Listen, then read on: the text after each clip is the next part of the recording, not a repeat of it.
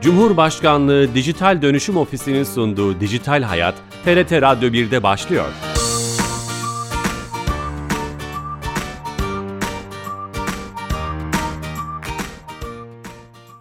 Herkese merhaba, ben Bilal Eren. Teknoloji ve dijitalleşmenin hayatlarımızı etkilerini ele aldığımız Dijital Hayat programımıza hoş geldiniz. Her cuma saat 15.30'da TRT İstanbul Radyo stüdyolarından kulaklarınıza misafir olmaya devam ediyoruz.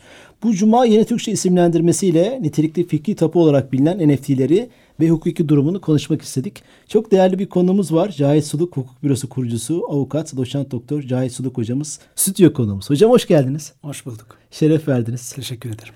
E, stüdyomuzdan bu e, konuyu vaktimiz el verdiğince konuşmaya çalışacağız. Ama öncesinde her hafta olduğu gibi kamunun hizmetlerini dijitalleştirerek bizlere ulaştıran Türkiye Gov.tr'den bir özelliği Dijital Türkiye ekibinden Ayşe Torun'dan dinleyeceğiz. Ayşe Hanım telefon attığımızda. Ayşe Hanım. Bilal Bey iyi yayınlar. Hoş geldiniz efendim söz sizde. Teşekkür ederim. Ee, Bilal Bey size bundan kısa bir süre önce devlet kapısının artık daha güvenli hizmet sunabilmek için yapmış olduğu iki faktörlü kimlik doğrulamadan bahsetmiştik. Doğru. Testlerinin başladığından bahsetmiştik. Hatta birkaç bin kişiye test amacıyla kullanıldığından bahsetmiştik. Ee, bu hafta bu e, çalışmanın ikinci aşamasına geçildi. Artık Türkiye'de 10 milyon kişi, seçilen 10 milyon kişi e, iki faktörlü kimlik doğrulamayla daha güvenli hizmet alabiliyor. Hı hı. E, çok kısa bir süre içerisinde bu çalışmanın da tamamlanıp e, tüm Türkiye'ye açılmasını hedefliyoruz. E, bu gelişmeden sizlere haberdar edeceğiz. Harika oldu. Kısaca çift, çift faktörlü e, doğrulama nedir? E, çift faktörlü kimlik doğrulama e-devlet kapısına kimlik kişilerin kimlik numarası ve devlet kapısı şifresiyle girmesinin akabinde yüz yüze ya da elektronik kimlik kartları ya da e, akıllı cihazları aracılığıyla kimlik kartlarını doğrulamaları sonrasında cep telefonu numaralarına gelen SMS'ler aracılığıyla ikinci kez şifre doğrulaması yaparak daha güvenli hizmet sunumunu amaçlayan bir sistem. Harika. Bugün aslında belki de bankacılık, dijital bankacılıkta kullandığımız hemen hemen herkesin aşina olduğu bir güvenlik protokolü. Aynen Aynen öyle. Ee, artık E-Devlet kapısından hizmet alırken de bu sistem Türkiye'de 10 milyon kişi tarafından kullanılıyor olacak bu Yakında o zaman bunu kullanır hale getirecek gelecek. Evet. E, ee, bundan bir sonraki aşama tüm Türkiye'ye açılması. Süper. Emeklerinize sağlık. Çok teşekkürler. Teşekkür ediyoruz. İyi yayınlar diliyorum. Sağ olun. Dijital Türkiye Ekmen Ayşe Turun'dan yeni bir test aşamasını dinlemiş olduk. Yeni katılan dinleyicilerimiz vardır. Avukat doçent doktor Cahit Suduk hocamız, stüdyo konuğumuz. İlginç, enteresan ama trend bir konuyu konuşacağız. Hocam biz NFT'lerle ilgili bir program yapmıştık. Teknik açıdan bakmıştık. Hani bunun teknik yönü nedir? Diye ama hukuki açıdan hiç bakmadık. Bir hukukçu gözüyle nitelikli fikri tapuya nasıl görüyorsunuz? Nasıl bakıyorsunuz? Ha, e, çılgın bir şey. çılgın bir şey tamam. evet hocam. Evet.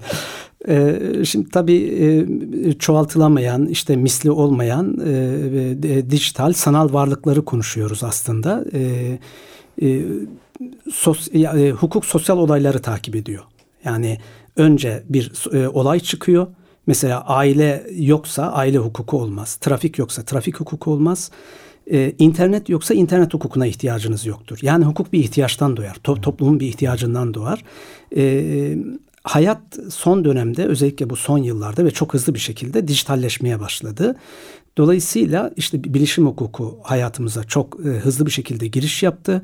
Burada e, çok popüler konular var. İşte e, yapay zeka hukuku, e, metaverse hukuku, e, şimdi kripto paralar. Tabii şimdi kripto paralar ve e, işte NFT. E, bütün bunlar e, hayatımızı çok ciddi şekilde işte e, bazıları diyor bu e, NFT bir e, tırnak içinde bir e, keriz silkeleme olayıdır diyor. Bir başkası diyor bu e, kara para aklama olayıdır diyor. Ponzi diyenler Arka, var. Tabii yani o kadar çok e, laflar var ki e, biz tabii ben olayın teknik kısmında değilim, hukuk kısmındayım. Hukuk bu işe nasıl bakar? e, sorusuna benim e, cevap bulmam lazım.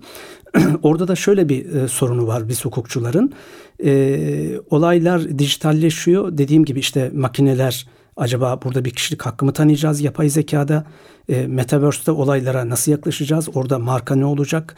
E, telif hakları ne olacak? E, müzik ne olacak? Sinema ne olacak? Yani e, o kadar e, çok bir bilinmez söz konusu ki bu dediklerimin hepsi NFT içinde geçerli. Hı-hı. NFT dediğiniz şey sizin misli olmayan jetonlar. Ee, nasıl yapıyorsunuz? Herhangi bir şeyi bunun illa bir telife konu bir eser olması yani bir tablo, heykel e, veya veya bir video parçası olması da gerekmiyor. İşte ilk Twitter'ı e, Twitter'ın sahibi Jack Dorsey, e, Jack Dorsey ne yaptı? E, o bunu yaptı ve 2.9 milyon dolara bunu sattı. E, bugün değeri 100 dolar olabilir bilemiyorum yani e, veya 29 milyon dolar olabilir. E, buradan e, hukuki problemler çıkıyor. Yani bir, bir mülkiyet meselesi. Yani sizin bir daireniz var, arabanız var, laptopunuz var. E, şimdi de sanal bir varlığınız var. Bunu hocam mülkiyet açısından bakmak lazım yani. Nitelikli fikri tapu zaten Türkçeleştirmesi de biraz herhalde öyle oldu. E, tapuya. Tabii yani öncelikle bir e, sahiplik meselesi. Yani bir e, mülkiyet, e, tabii mülkiyet deyince eşya mülkiyetini konuşmuyor. Sahiplik anlamında Sahiplik. bir mülkiyeti konuşuyoruz. E, hani biz eşya hukukçuları e, orada hep e, mülkiyet deyince e, akla hep eşya hukuku, menkul mal ve gayrimenkul mal gibi e, işte e, taşınabilir olanlara menkul, taşınmayanlara da gayrimenkul diyoruz biz.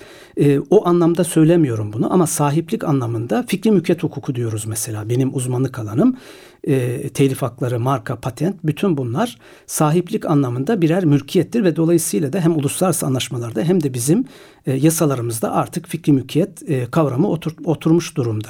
Şimdi NFT'ye bir defa bir mülkiyet, sahiplik anlamında bir mülkiyet, bunun sahibi kimdir meselesi devreye giriyor. E, ama hemen orada sorun başlıyor zaten. Yani ne, nasıl şöyle başlıyor. Mesela şimdi e, son dönem bunu tabii 2021-22 yani bu çok hukuki yeni. Evet, çok yeni. Yani hukuki problemler yeni başladı. Hani olayın tarihi var belki ama geçmişi var ama olaylar çok zaten popüler olması da 6 aydır bir yıllık bir hikaye. Buradaki hukuki problemler de yeni başladı. Örneğin e, hemen Türkiye'ye gelecek olursak burada e, Cem Karaca'nın e, bir e, portresi e, bir NFT sanatçısı tarafından e, NFT, haline NFT haline getirildi. E, bunun üzerine e, Cem Karaca'nın mirasçısı, mirasçıları dediler ki dur bakalım yani bu bizim tarlamız. Bu bizim babamızın e, bize bıraktığı mirastır. Onun maddi, manevi bütün e, varlığı bizim mirasımızdır. Dolayısıyla e, sen bunu yapamazsın. Bizden izin almadan yapamazsın dedi ve mahkemeye gitti mahkeme. Şu an çok yeni bir şey. Yani. Evet, çok yeni Örnek bir şey ve bu siz. evet bu Haziran'da olan yani daha işte bir iki ay bir, bir buçuk iki aylık bir hikaye bu ve mahkeme bir karar verdi. Dedi ki verdi mi hızlıca? Ver, yani ihtiyati tedbir kararı. Esas kararı vermedi. Ama ihtiyati tedbir kararı verdi e, ve durdurdu. Neyi durdurdu hocam? Ee, NFT haline e, getirdi NFT tamam ama onun e, kullanımını e, ve buna erişimi internet biz buna umma iletim hakkı deriz. Hmm e, telif hukukunda umma erişim hakkını durdurdu. İşin teknik kısmına gitmeyeceğim. Yani e, Cem Karaca ne zaman vefat etmişti? 10 yılı geçti mi? Tabii daha geçmiştir hocam. Geçti. Mesela e, yani işin hani yürüyen bir dava için bir yorum yapmak istemiyorum ama telif hukuku ba- bağlamında başka orada sorunlar var. E, girmeyeyim oraya. Ama günün sonunda bir Türk mahkemesi e, siz e, birinin portresini o bildiğiniz bir portre de değil yani şey o yani böyle e, kara kalem çizilen bir portre. E, bunu mirasçılardan izin almadan ya da portre sahibi yaşıyorsa ondan izin almadan sen bunu NFT haline getiremezsin e, getirsen bile bu şahsi kullanım olarak kullanırsın ama bunu umuma iletemezsin. İnternet üzerinden bunu toplumla paylaşamazsın. Paylaştığında izin alman gerekiyor diye bir ön karar, bir ihtiyati karar tedbir, bir karar. devam edecek değil mi mahkeme? Dava yani. devam ediyor şu devam anda. Edecek. Yani nereye gider onu bilemiyorum tabii Hatta ki. Hatta hiçbir maddi bir şey de olmuyor. Yani tabloyu satmadı. Sadece gösterimde olduğu halde ihtiyati tedbirle kapatıldı anladığım kadarıyla. E, aynen öyle evet. e, ama dava devam ediyor. Bir de satsaydı hocam diyelim ondan bir maddi kazanç elde etseydi. E, hatta e, çoklasaydı tüm dünyayı. İşte ayıkla pirincin taşını. Yani buradan çok fazla hukuki problem çıkıyor. E, işte NFT'ler miras olarak kalabilir mi? Hadi bakayım bir miras hukukunun konusu e, işte tablo, heykel, bir müzik eseri, e, bir video, bir, işte bir sinema eseri bütün bunların hepsi veya bir grafik eser. Bunların hepsi e, NFT'ye konu olabilecek şeyler ama eser olması gerekmiyor. Yani eser işte ilk tweet hiçbir evet. hiçbir özelliği evet, yok. Evet. Bir an olabilir. I am setting up the tweet, my tweet. Yani bu şey değil. E, bu, e, bu, burada bir şey yok. E, ama benzersiz olması. Benzersiz olması. Evet. E, günün sonunda e, burada e, şunu söyleyebilirim. E, telif hukukundan marka hukukuna, oradan eşya hukukuna e, veya mülkiyet yani hak sahipliği anlamında kişilik haklarına, medeni hukuk ve oradan da miras hukukuna kadar pek çok alanı dokunacak dokunacak bir e, kavramı konuşuyoruz. Ama NFT, ana şey fikri mülkiyet hakkı değil mi hocam? Oraya e, giriyor yani. Tabii olayın tabii yani belki bir, e, çok ağır e, bir ağırlıklı bir kısmı telif hakları üzerinden ve marka üzerinden yürüyecek. Mesela Hermes hemen aklıma geldi. Hermes'in bir çantası var. Bu çantadan yola çıkarak yine başka bir e, NFT sanatçısı bir NFT yaptı. E, bu sefer e, Hermes'in hışmını üzerine çekti. Ve dedi ki dur bakalım dedi. Yani bu çanta benim aynı zamanda ikon haline markam. gelmiş bir çanta. Benim markam tasarım var. Tasarım var. Bu benim aynı zamanda markam e, veya telif hakları. Yani yarın da bir güzel sanat eserini, bir vazoyu, bir tabloyu e, alıyorsunuz ve bunu NFT haline getiriyorsunuz. Şimdi telif hakkı sahibinden izin almadan siz o fikri ürünü bu masa olur, çanta olur, e, müzik eseri olur, sinema eseri olur hiç önemli değil. O fikri ürünü NFT haline getirebilir misiniz? Soru birinci soru temel sorulardan birisi bu. o itiraz ederse sorun çıkıyor. Getiremezsiniz. Ha, getiremezsiniz. Bu yani bu sorunun cevabı bana göre açık. Getiremezsiniz.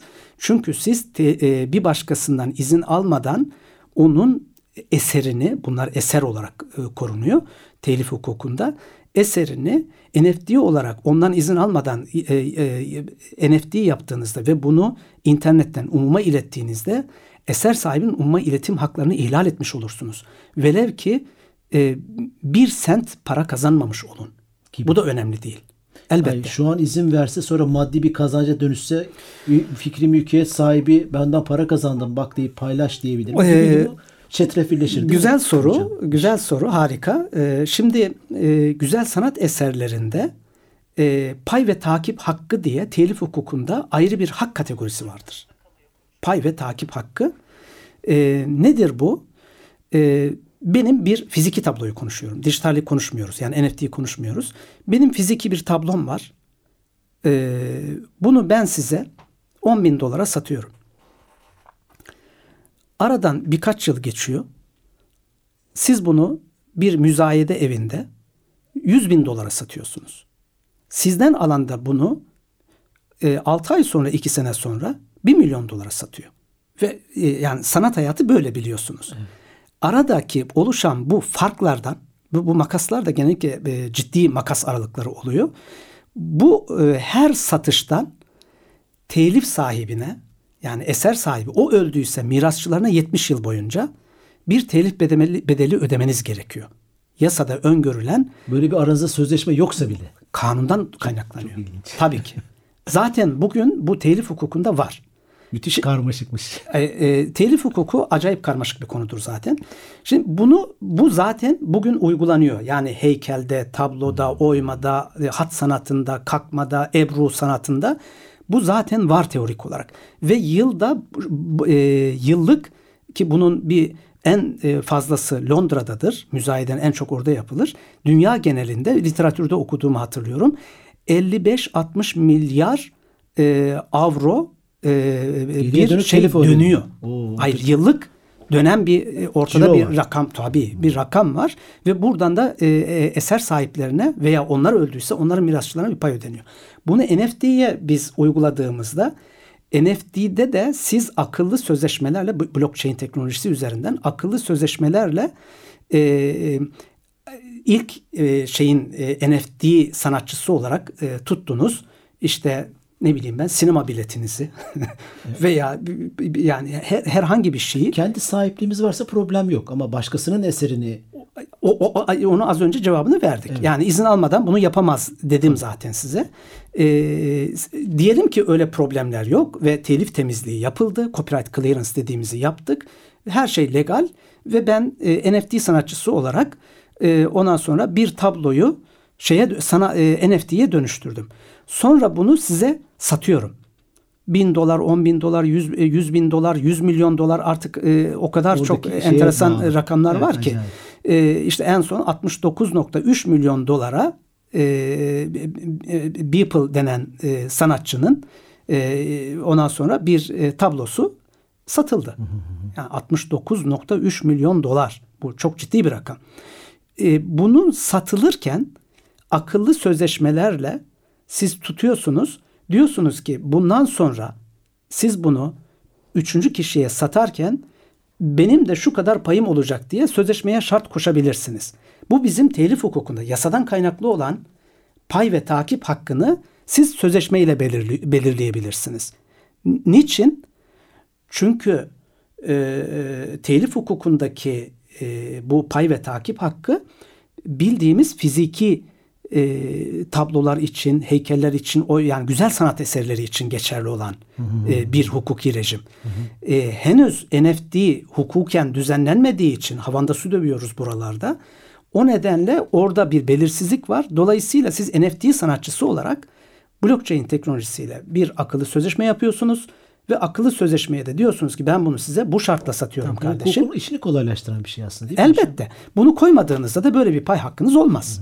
Yani taraflar bunu kararlaştırabilir. Dijital öncesi internet ücreti getir bakalım sözleşmeni diyeceğimize aslında sözleşme baştan yapılmış. oluyor. Aynen öyle. E, a- akıllı insanlar da e, bunları yapıyorlar zaten. Yeni katılan dinleyicilerimiz vardır. Ee, avukat doçent doktor Cahit Suduk hocamız da e, nitelikli fikri tapu NFT hukukunu konuşuyoruz. Hocam aslında e, o zaman şu anki var olan fikir, mülkiyet ve telif hakları bir anlamda şeyi kurtarıyor. Günümüzü kurtarıyor gibi. Yani NFT ile ilgili ilk başvurduğunuz mecra olarak güzel görünüyor.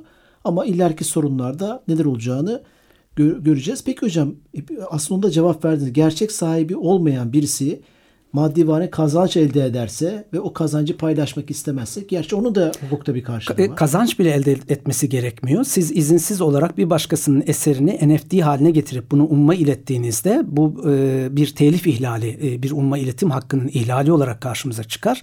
E, mutlaka bir copyright clearance dediğimiz bir telif temizliği yapılarak e, bu e, NFT sanatçılarının bu işleri yapıyor olması lazım. E, yani telifli yani sizin NFT'nizin konusu telifli bir eserse değilse mesela Sultanahmet Camisi ise çünkü ölüm artı yaşam artı 70 yıldır. E, ama Sultanahmet'in proje müellifi, e, mimarı yıllar ön, e, yüzyıllar önce vefat ettiği için artık onu yapabilirsiniz.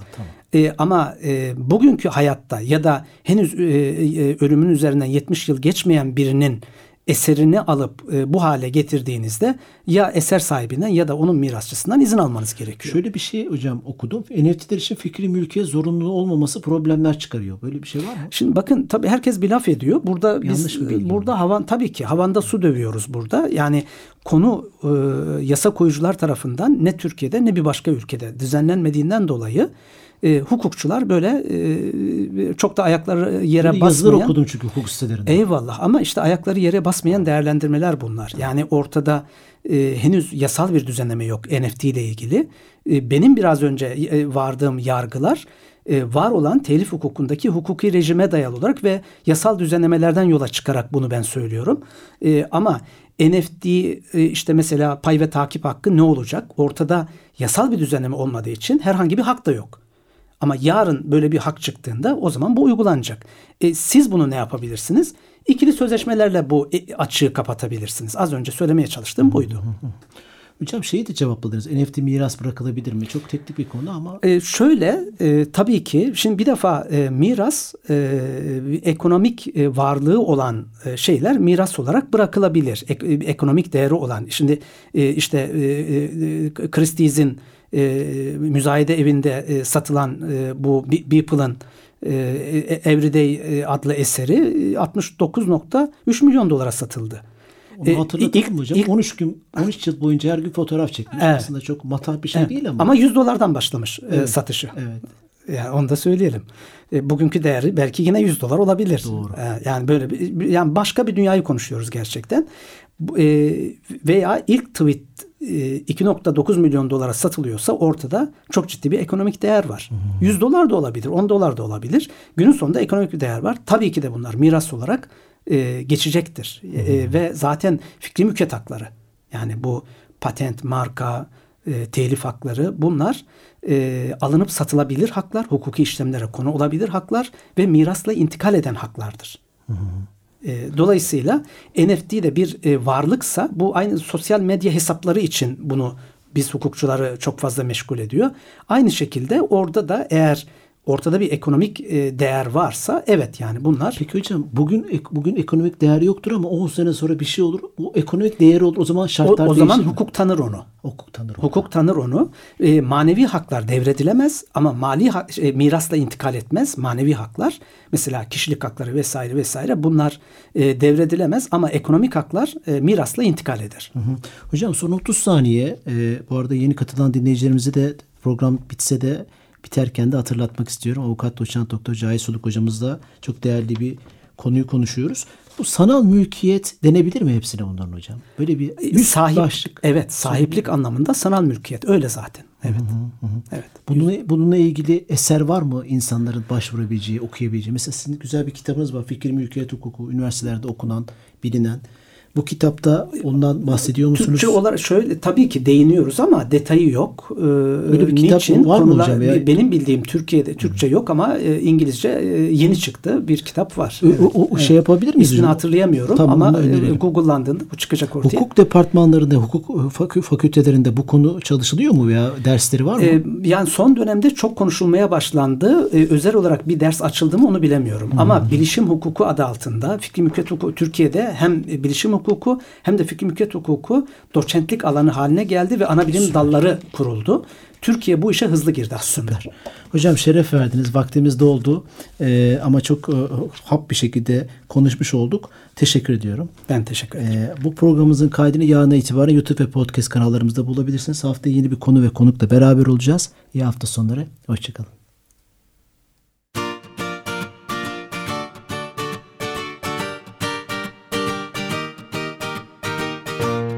Cumhurbaşkanlığı Dijital Dönüşüm Ofisi'nin sunduğu Dijital Hayat, TRT Radyo 1'de sona erdi.